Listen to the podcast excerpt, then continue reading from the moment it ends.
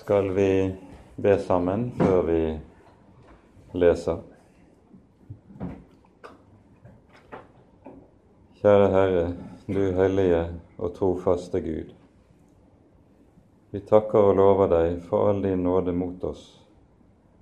Takk, Herre, mest av alt, at du har gitt oss evangeliet, evangeliet om Jesus, for at vi skal få lov til å kalles dine barn ved troen på ham.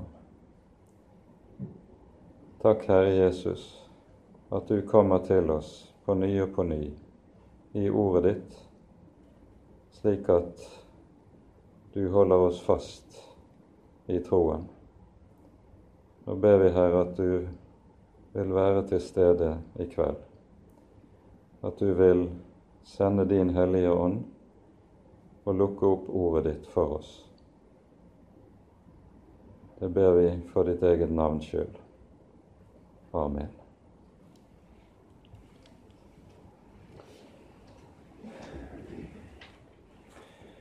Vi har altså brukt en god del tid på eh, dette 13. kapittelet i apostlenes gjerninger. Sist gang tok vi for oss Paulus' tale og så litt på dette i sammenheng med de øvrige talene i apostelgjerningene. Ehm, dette er jo en av de talene som er gjengitt relativt eh, eh, i betydelig omfang i forhold til mange av de øvrige talene i apostelgjerningene. Men som vi nevnte, det er en svært stor andel av apostlenes gjerninger som er talestoff. Noen relativt større taler er gjengitt, og en mengde kortere taler. Det vi tar for oss i dag, det er reaksjonene etter eh, Paulus' tale. Så vi leser da fra vers 42 og ut kapittelet innledningsvis. Da de gikk ut, ba folk dem om at disse ordene måtte bli talt til dem også neste sabbat. Da møtet i synagogen var oppløst, var det mange av jødene og av de gudsdyrkere som hadde tatt ved jødenes tro, som fulgte etter Paulus og Barnabas. Disse talte da igjen til dem og formante dem innstendig til å holde fast ved Guds nåde. På den neste sabbaten samlet da nesten hele byen seg for å høre Herrens ord. Men da jødene så folkemengden, ble de fylt av nidkjærhet og motsa det som ble sagt av Paulus. Ja, de sa imot og spottet. Men både Paulus og Barnabas talte rett ut og sa det var nødvendig at Guds ord ble talt først til dere, men siden dere avviser det og ikke akter dere verdig til det evige liv, så vender vi oss nå til hedningene. For dette er Herrens bud til oss. Jeg har satt deg til et lys for hedningene, for at du skal være til frelse like til jordens ender. Da hedningene hørte dette, gledet de seg og priste Herrens ord, og de kom til tro, alle de som var bestemt til evig liv og Herrens ord utbredte seg over hele landet. Men jødene fikk hisset opp de fornemme kvinner som holdt seg til jødenes tro, og de fremste menn i byen. Og de fikk i stand en forfølgelse mot Paulus og Barnabas og drev dem bort fra sine områder. De ristet da støvet av føttene sine mot dem og dro til Ikonium. Men disiplene ble fylt av glede og Den hellige ånd. Vi stanser der, og så ser vi om vi rekker å gå litt inn i kapittel 14 til slutt. Reaksjonen på Paulus' tale i synagogen i Antiokia, det er altså at vi vil høre mer. Det er et budskap som er forkynt, som har vekket sterk gjenklang hos en del av de som er samlet, og vi hører at både ber de om at dette kan de få høre mer om neste sabbatsamling i synagogen, men eh, det er også en del som følger med Paulus og Barnabas, snakker med dem for å få utdypet, for å få oppklart kanskje, for å få svar på mange spørsmål som de eventuelt måtte ha. Og eh, dette er slett ikke noe som er uvanlig ved slike anledninger. Det siste vi hører i vers 43, skal vi legge merke til. Disse, altså Paulus og Barnabas, talte da igjen til dem og formante dem innstendig til å holde fast ved Guds nåde. Vi minner igjen om at det ordet som er oversatt med å formane, det er et ord som i Det nye testamentet nok helst i de svært mange sammenhenger burde oversettes med å oppmuntre. Og Det er helt klart det som er betydningen av grunntekstens ord i denne sammenheng. Eh, ordene som er oversatt med 'å holde fast ved', det betyr bokstavelig 'å bli værende i'. Bli værende i Guds nåde.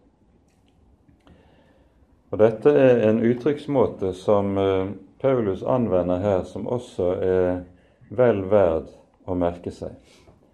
Fordi Paulus da gjør klart at det evangelium han er satt til å forkynne, det er det evangelium, det budskapet, som formidler Guds nåde til mennesker.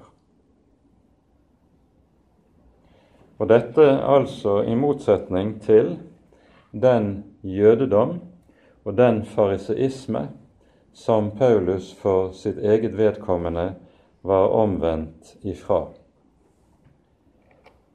Nå er det jo slik at eh, tale om Guds nåde det var noe som slett ikke var ukjent innenfor jødedommen.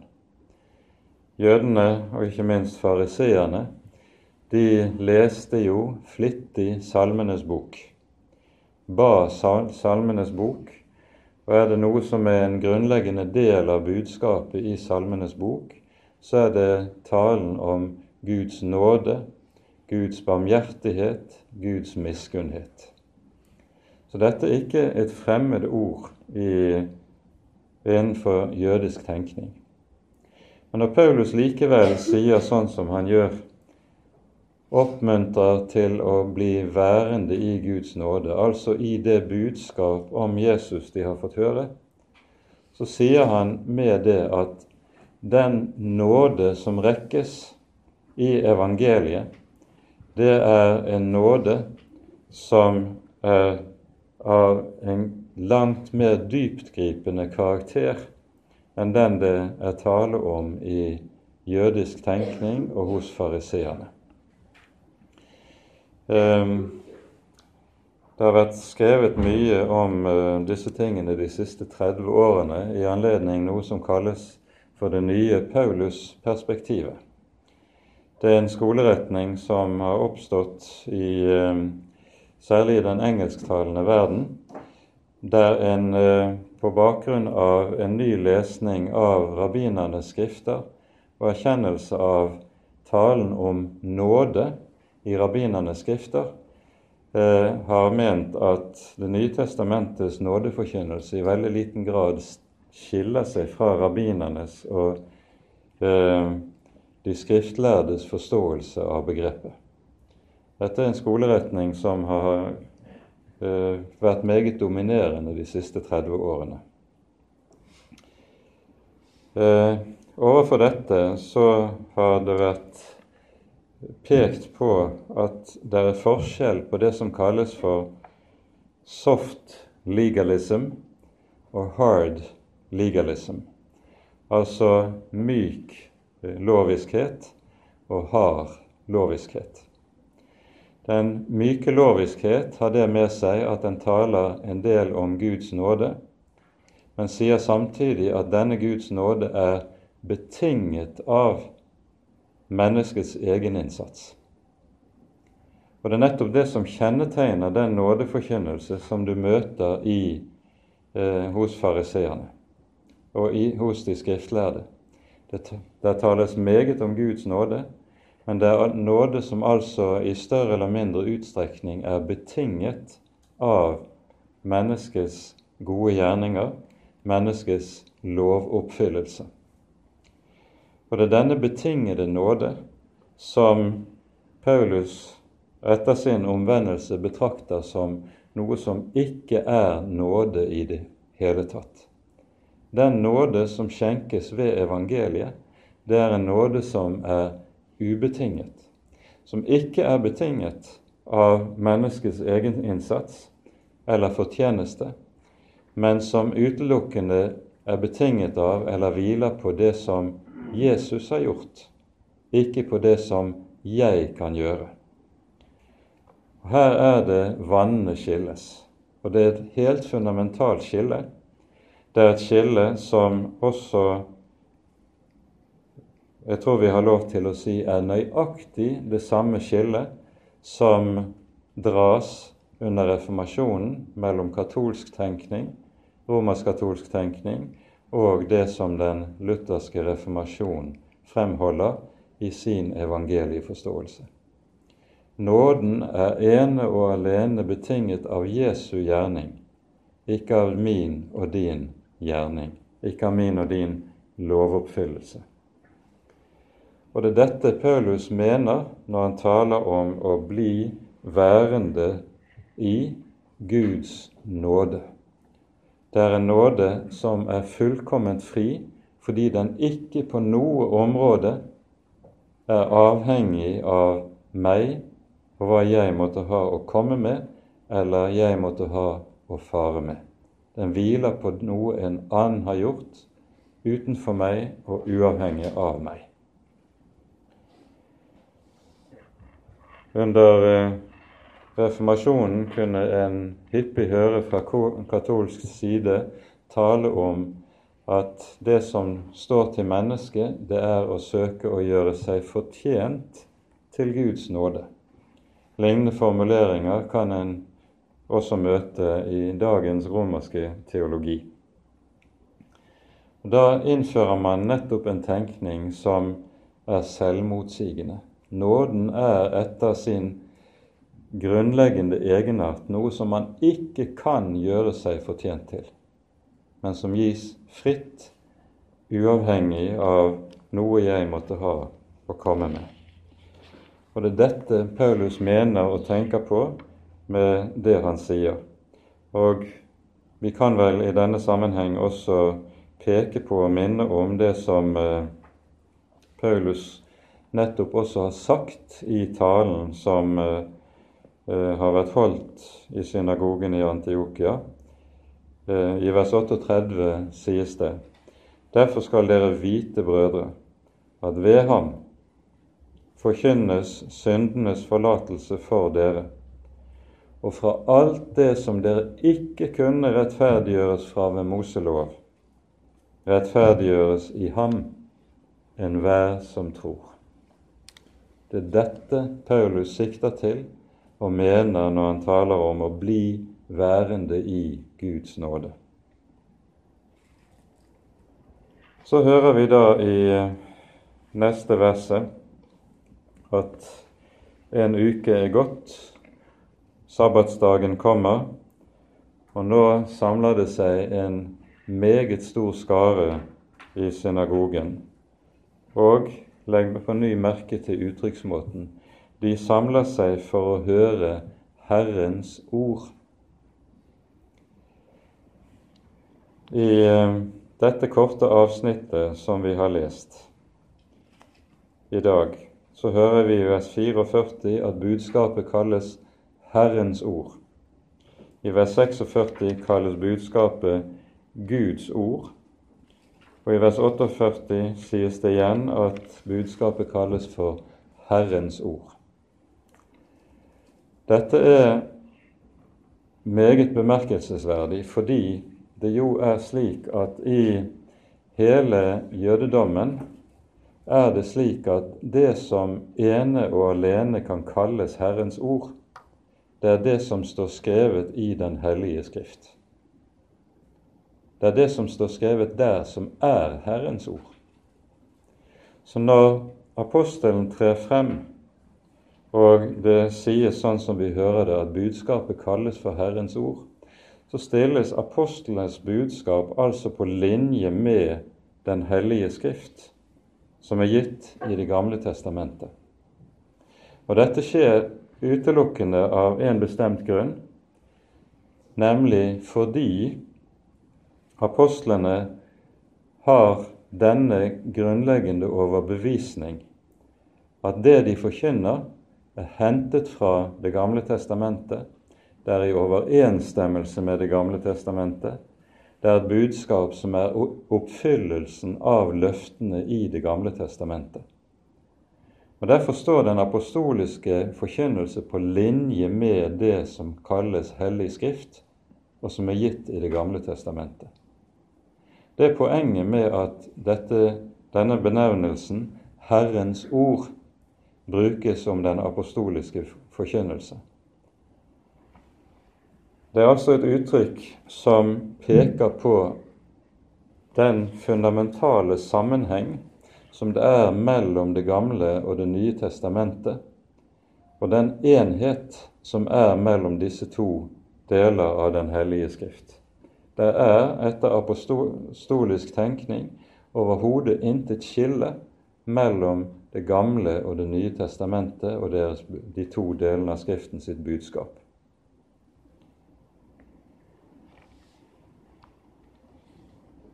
At budskapet også kalles Herrens ord, det har også det i seg at dette skiller i forhold til den jødedom eller den fariseisme som Paulus har brutt med.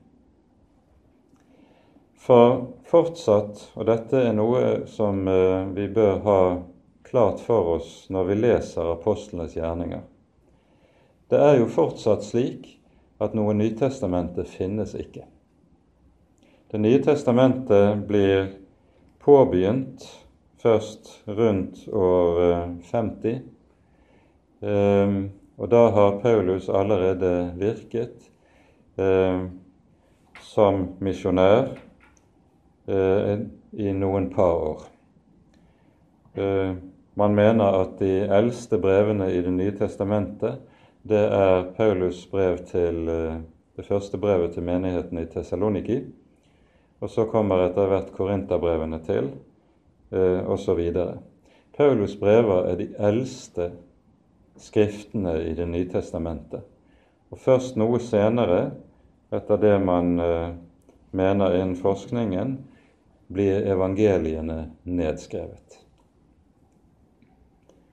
Poenget er altså i denne sammenheng noe Nytestamentet finnes ikke. Den Bibel som er de første kristnes bibel, er Det gamle testamentet. Ut fra denne Bibel er det de forkynner evangeliet om Jesus. Og så står vi altså overfor dette grunndatum at de kristne de står med samme Bibel, samme hellige skrift, som jødene har, men de leser Den hellige skrift på vidt forskjellig måte. På så forskjellig måte at man i sin konsekvens ender opp med to ulike religioner. Og Bakgrunnen for denne ulike lesning av Det gamle testamentet ligger i at det er Jesus som har lært disiplene å lese Det gamle testamentet. Han åpnet Skriftene for dem. Dette har vi vært inne på tidligere og skal ikke si veldig mye mer om det i denne sammenheng. Men vær altså oppmerksom på når disse uttrykkene brukes Herrens ord og Guds ord i apostlenes gjerninger, så er det veldig radikalt når budskapet nettopp benevnes slik. Nå hører vi i at det som skjer denne sabbaten, det vekker agg.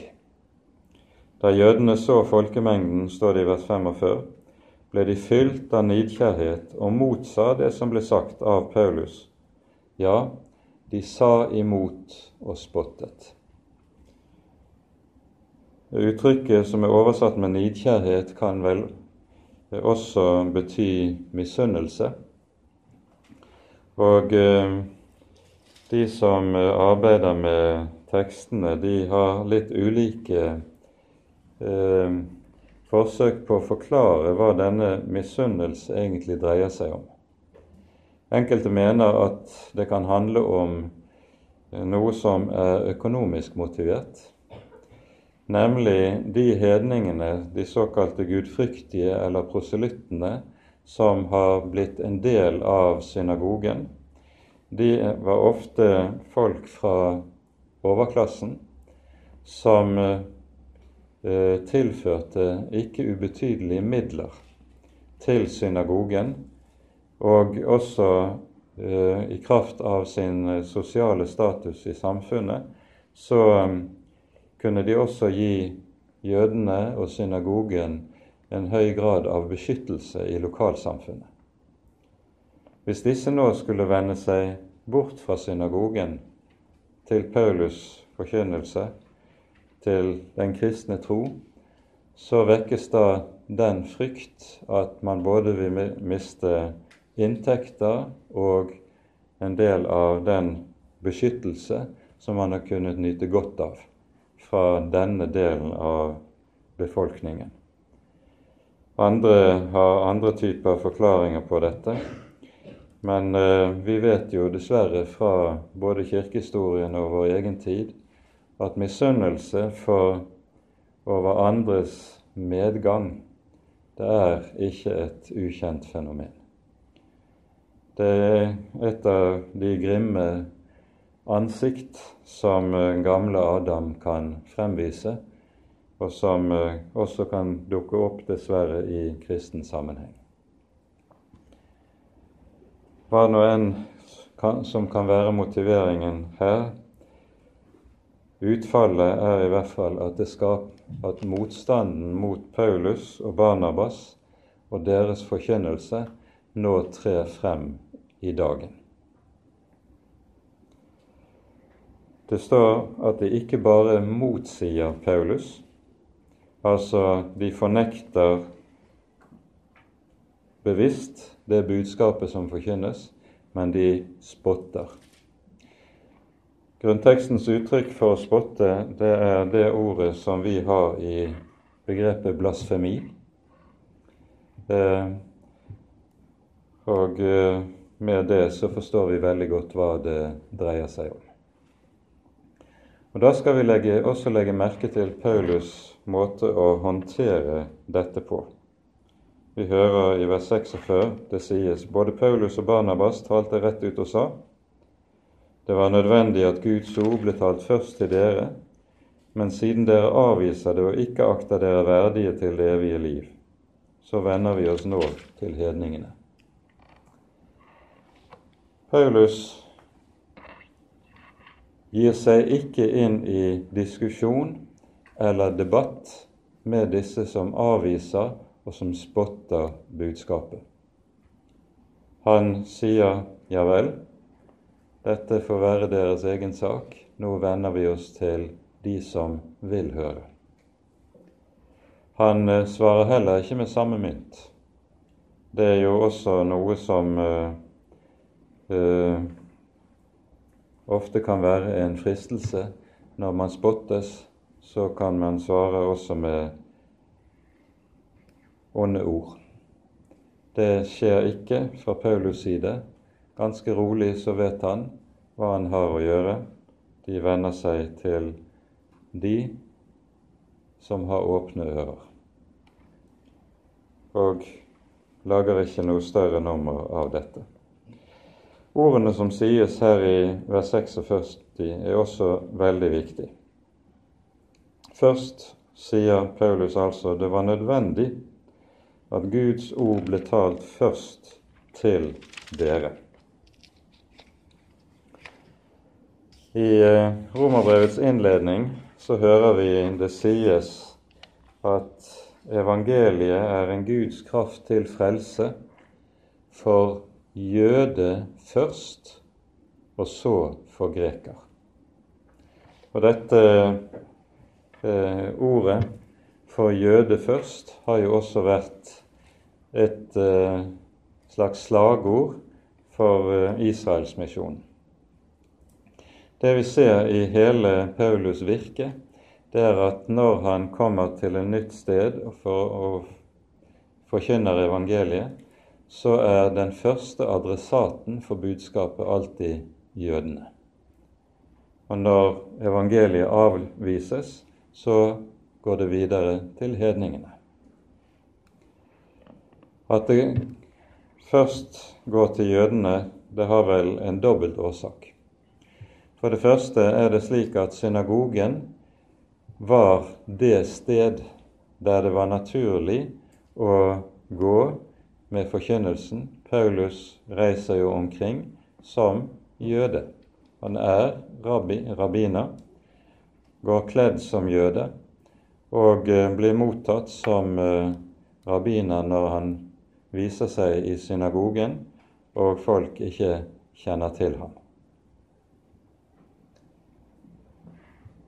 Det er slik at synagogen så å si er det naturlige tilknytningspunktet for evangelieforkynnelsen. For her leses de hellige skrifter, og ut fra de hellige skrifter forkynnes evangeliet. Slik er det for det første altså at synagogen er det naturlige utgangspunkt for forkynnelsen på et nytt sted. For det andre er det slik at jødene er det folk som har fått særlige løfter fra Herren.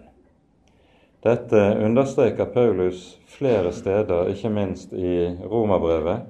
Jeg tror vi skal ta oss tid til å lese et par vers, først fra det tredje kapittelet i Romerbrevet.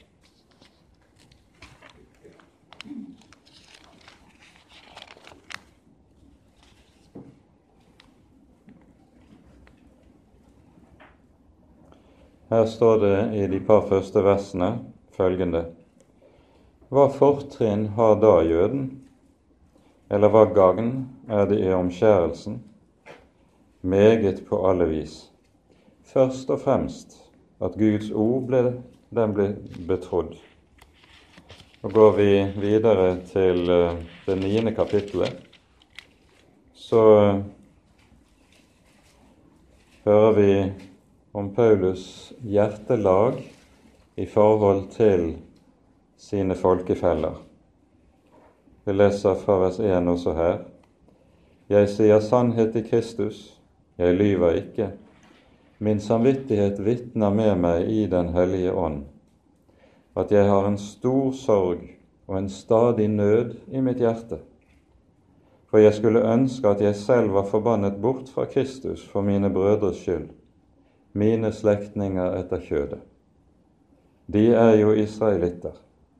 Dem tilhører barnekåret og herligheten og paktene og lovgivningen og gudstjenesten og løftene. Dem tilhører fedrene, og fra dem er Kristus kommet etter kjødet, Han som er Gud over alle ting, velsignet i evighet. Vi hører her det er uhyre sterke ord Paulus uttaler om det fortrinn som det jødiske folk har fått i kraft av å være utvalgt av Gud til å være hans redskap åpenbaringshistorisk. Og Til dette hører altså at Paulus sier det var nødvendig at Guds ord lød først for dere. Når ordet 'nødvendig' anvendes på denne måten i Det nye testamentet, så anvendes det alltid for å beskrive noe som er i tråd med Guds rådslutning, Guds plan.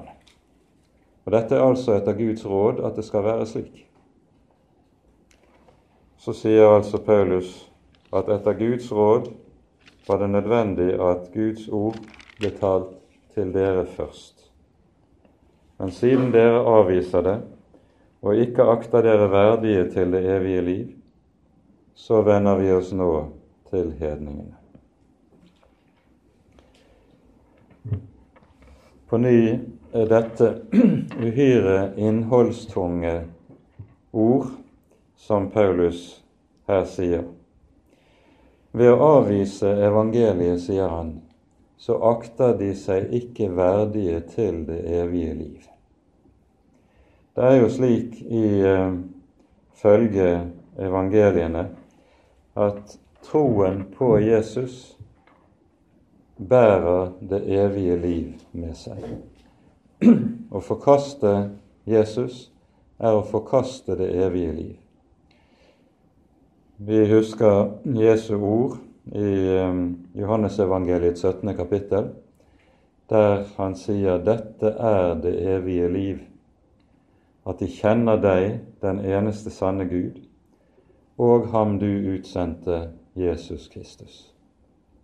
Det er ved dette kjennskap, det personlige fellesskap som ligger i samfunnet med Jesus, i det ligger det evige liv.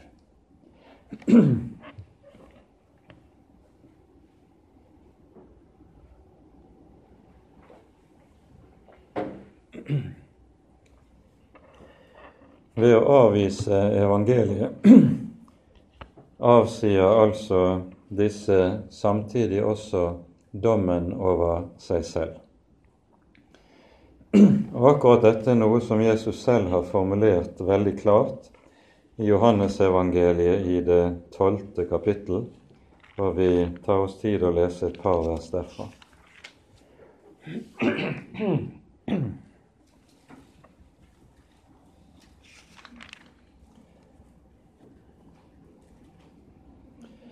Johannes 12 leser vi vers 47 og vers 48.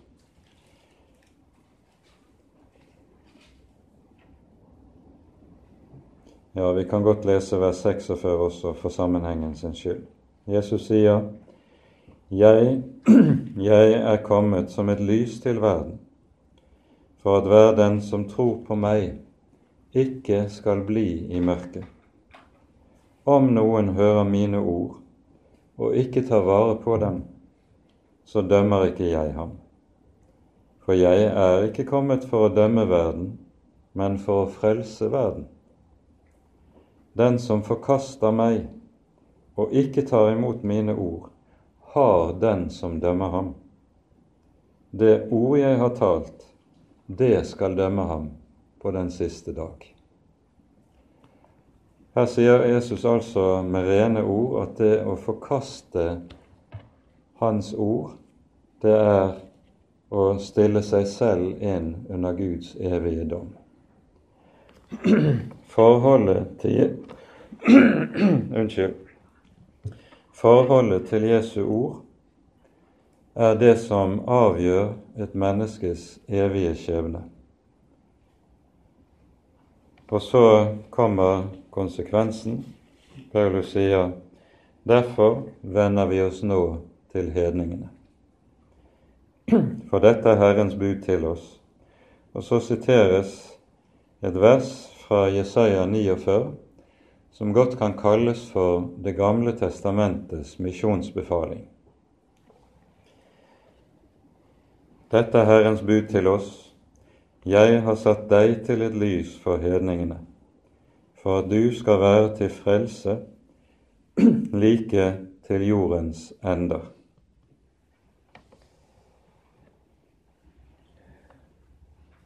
Jesaja 49. kapittel, de 6-7 første, eller 6-8 første versene der, det hører med som en av de fire sangene om Herrens tjener som vi finner i andre delen av Jesaja-boken. Og både her i kapittel 49, i kapittel 50 og ganske særlig i kapittel 53 er det Herrens tjener tegnes for oss som den lidende tjener. Og så sies det, sier Herren til sin tjener, til Messias, det er for lite at du skal er min tjener til å forløse Israels rest. Derfor setter jeg deg til et lys for hedningene. Det er altså ord som i sin sammenheng i Jesaja-boken er talt om Messias. Det er han som er hedningenes lys. Det samme sies også i kapittel 42 vers 6 i Jesaja-boken, der du har den første av de fire sangene om Herrens tjener. Og Da kunne en stille spørsmålet hvordan kan det så ha seg at dette som er sagt om Messias, hvordan og med hvilken rett kan Paulus anvende disse ordene på seg selv og sin egen tjeneste. Han gjør det med samme rett som vi møter i bergpreken når Jesus sier til disiplene dere er verdens lys. En by som ligger på et fjell, kan ikke skjules. Når Jesus sier 'dere er verdens lys', så er grunnen til det at han også sier om seg selv 'Jeg er verdens lys'. Den som følger meg, skal ikke vandre i mørket, men har livets lys.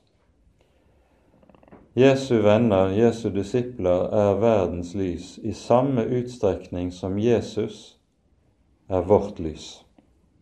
Det er det som er poenget i dette. Sånn at det lys som eh, eh Jesu disipler er i verden. Det er ikke noe de er i kraft av seg selv, av sin egen eventuelle høye moral eller lignende ting, men i kraft av at Jesus er deres lys.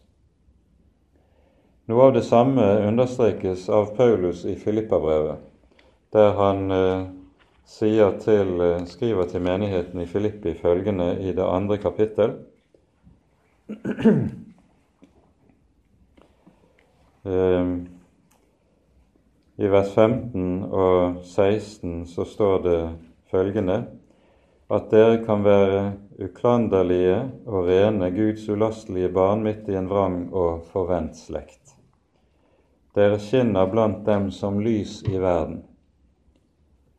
Men det som sies her, dere skinner blant dem som lys i verden, hva Paulus mener med det, kommer i den neste setningen nemlig i det dere holder frem livets ord. Det er ordet om Jesus, ordet om Guds nåde i Kristus, ordet om syndenes forlatelse. Det er dette som er livets ord, og det er det som er lyset som Guds menighet er satt til å holde brennende her i verden. Sammenhengen mellom dette at Jesus er verdens lys, og hans menighet er satt til å være verdens lys, er så å si satt ord på i Jesaja-bokens 60. kapittel. Og vi tar oss tid til å lese de par versene. I innledningen til Jesaja 60 står det følgende Gud taler til sitt folk og sier Stå opp, bli lys, for ditt lys kommer, og Herrens herlighet går opp over deg. Altså, hvordan blir folket lys? Jo, ved at Han som er vårt lys, kommer til oss. Lyset er et av Messias navn i Det gamle testamentet. Og så er det altså det er slik at Guds folk blir lys når Han som er vårt lys, kommer. Se, mørket dekker jorden, og det er belgmørke over folkene. Men over deg skal Herren oppgå, og over deg skal Hans herlighet åpenbare seg. Folkeslag skal vandre til ditt lys, og konger til den glans som er gått opp over deg, står det i fortsettelsen. Og det hele denne eh, assosiasjonsrekken som så å si ligger til grunn for det som Paulus her holder frem i noen korthugne setninger som vi leser i apostelgjerningene 13. Så hører vi reaksjonen. Vers 48. Da hedningene hørte dette, gledet de seg og priste Herrens ord. På ny dukker det opp en formulering som er ganske særegen, og dette er en formulering som vi ikke møter andre steder i Det nye testamentet. Det som er vanlig, er at det stå, ville stått de gledet seg og priste Herren. Men at de priser Herrens ord, det er en formulering som du ikke finner andre steder. Og formuleringen er hentet. Antagelig kjenner ikke disse hedningene Salme 56, men eh, Lukas, som skriver dette, kjenner godt Salme 56, der det står følgende. Det er David som eh, skriver denne salmen i sin store nød når Herren han setter sin lit til Herren. Og I vers 11 i Salme 56 står det følgende Ved Gud priser jeg Ordet. Ved Herren priser jeg Ordet. Det er en veldig særegen formulering. Og det som ville vært normalt, og som nok også dukker opp noen steder i Det gamle testamentet, er det motsatte uttrykk. Ved ordet priser jeg Herren. Men her sies det altså ved Herren priser jeg ordet. Med dette sies det uhyre mye om ordets stilling og betydning hvilken gave dette ord er å bære med seg. Og så kan det altså sies de priste Herrens ord. Og så kommer de til tro, alle de som var bestemt til, utsett til, evig liv, sies det. Nå er det neppe slik at dette verset taler om det vi kaller for forutbestemmelse. For Gud vil at alle mennesker skal komme til tro og bli frelst. Akkurat dette er ikke saken i denne sammenheng. Ordet som er oversett med 'bestemt til', det er et ord som også kan ha betydningen 'være innskrevet til', altså det å være oppskrevet i livets bok. Men de kom til tro. Poenget i dette er at troen slik Det nye testamentet alltid taler om den, det er en gave som skjenkes mennesket.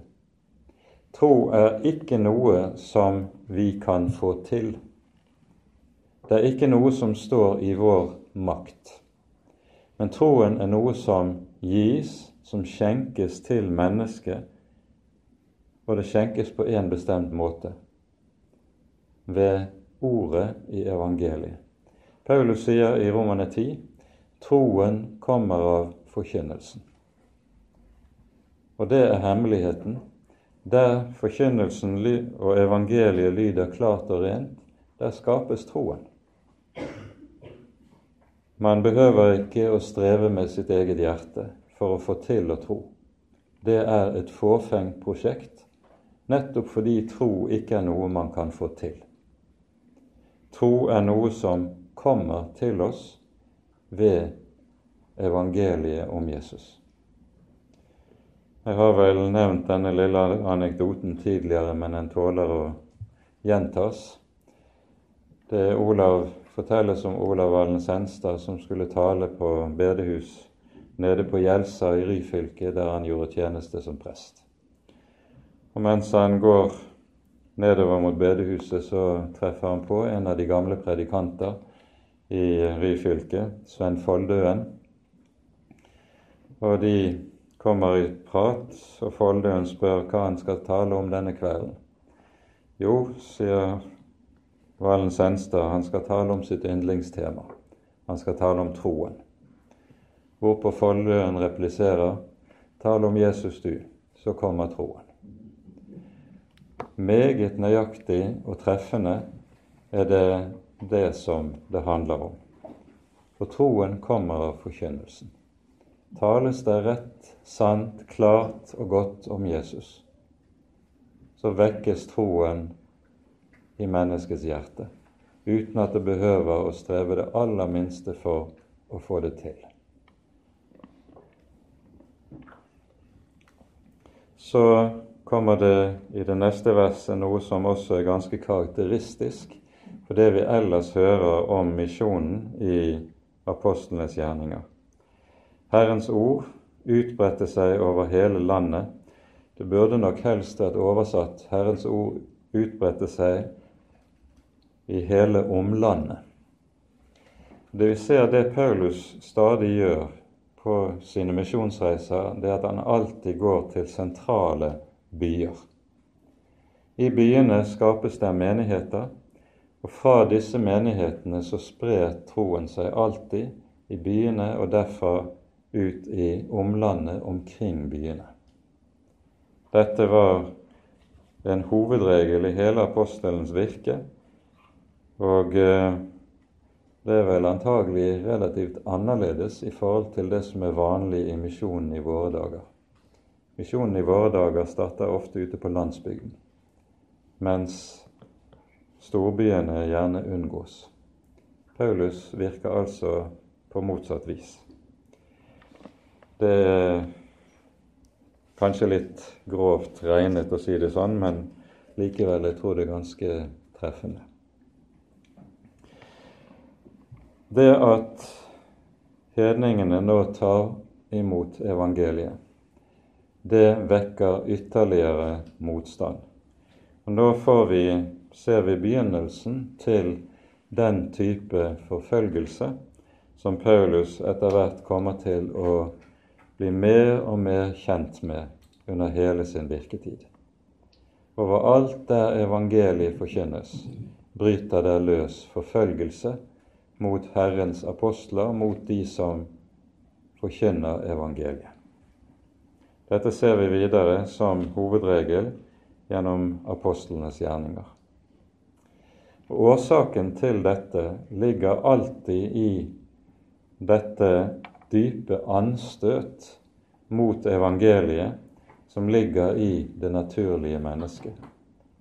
Ordet om korset er en dårskap for dem som går fortapt, skriver Paulus i eh, Korinterbrevets første kapittel. Men for oss som blir frelst, er det en Guds kraft. Jesus har forberedt disiplene på at dette vil komme til å skje. Og eh, med sin egen bakgrunn så skjønner Paulus veldig godt også hva det dreier seg om. Paulus har selv vært en forfølger. Paulus vet veldig godt hva som ligger bak dette, denne motvilje og dette hat mot evangeliet, for han har selv vært en del av det samme. Så han vet hva det handler om, men nå møter vi det altså for første gang i Paulus virke, og senere får det langt mer drastiske uttrykk enn det vi hører her. Her drives de bort fra byen, men det er allerede altså dannet en liten kristen menighet. I eh, det 14. kapittel hører vi at Paulus, når eh, han misjonsreisen, denne første misjonsreisen nærmer seg slutten, så reiser han tilbake samme veien som han kom, og besøker de menighetene som er blitt til ved hans virke. Dette skal vi se nærmere på neste gang, for det som skjer i så måte, er uhyre betydningsfullt for hele den kristne kirke på veien videre. Det sies nemlig at han innsetter presbytere i hver menighet. Vi kommer tilbake til det på neste bibeltime. Om Paulus og Barnabas sies det nå i vers 51 og 52. De ristet av støvet av føttene sine mot dem og dro til Ikonium. Ikonium er den nærmeste større by. Det er et ganske langt stykke fra Antiokia å gå. Eh, det skal være en ca. 20 mil, så det er lang vei å gå, også dette. Men eh, det uttrykk som anvendes i denne sammenheng, det vil dere huske, det er noe som Jesus Eh, lærer disiplene sine i forbindelse med utsendelsestalene.